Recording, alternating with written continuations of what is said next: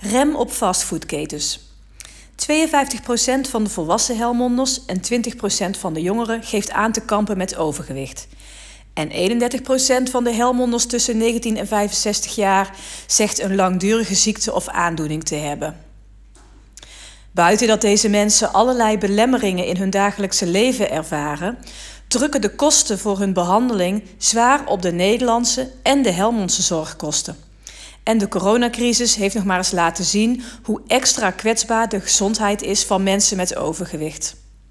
Afgelopen week las ik in het Eindhovens Dagblad dat verschillende fastfoodrestaurants hun oog hebben laten vallen op Helmond om hier nieuwe vestigingen te openen. Ik begrijp de worsteling van gezondheidswethouder Katelijne Dortmans. Ik ben niet van een overheid die van alles verbiedt. Maar in dit geval vind ik wel dat gemeenten meer mogelijkheden moeten hebben om paal en perk te stellen aan de komst van steeds maar nieuwe vestigingen van deze fastfoodketens. Zeker nu we in Helmond in het centrum meer ruimte willen bieden aan horeca en er als gevolg van de coronacrisis helaas ook meer locaties in ons centrum vrij gaan komen. En nee, ik wil niet de Helmondse ondernemers die al jaren een leuke snackbar uitbaten wegjagen. Ik wil alleen geen wildgroei aan fastfoodketens in onze stad. De gemeente Helmond heeft op dit moment geen enkel instrument om die wildgroei te voorkomen. De gemeente kan alleen in overleg met aanbieders en een beroep doen op hun goodwill.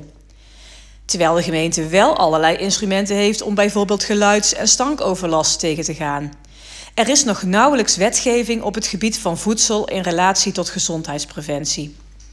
Veel politieke partijen vinden het een eigen verantwoordelijkheid van mensen om gezond te eten. Maar uit wetenschappelijk onderzoek blijkt dat mensen die voortdurend ongezond, ongezond voedselaanbod zien, moeite hebben om dat te weerstaan. En maak met die kennis eens een ommetje in de omgeving van de middelbare scholen in onze stad. De rol van de overheid bestaat tot nu toe nog vooral uit het voeren van campagnes gericht op gedrag. Dit jaar startte in Helmond nog de groentecampagne, waarin consultatiebureaus en Je Plus extra aandacht geven aan het eten van groenten bij peuters. Maar daarmee redden we het niet. Daarom hebben gemeenten nu bij het Rijk gevraagd om de omgevingswet op dit vlak aan te passen. Ik hoop dat ook Helmond actief meedoet aan deze lobby om minder fastfood in onze stad.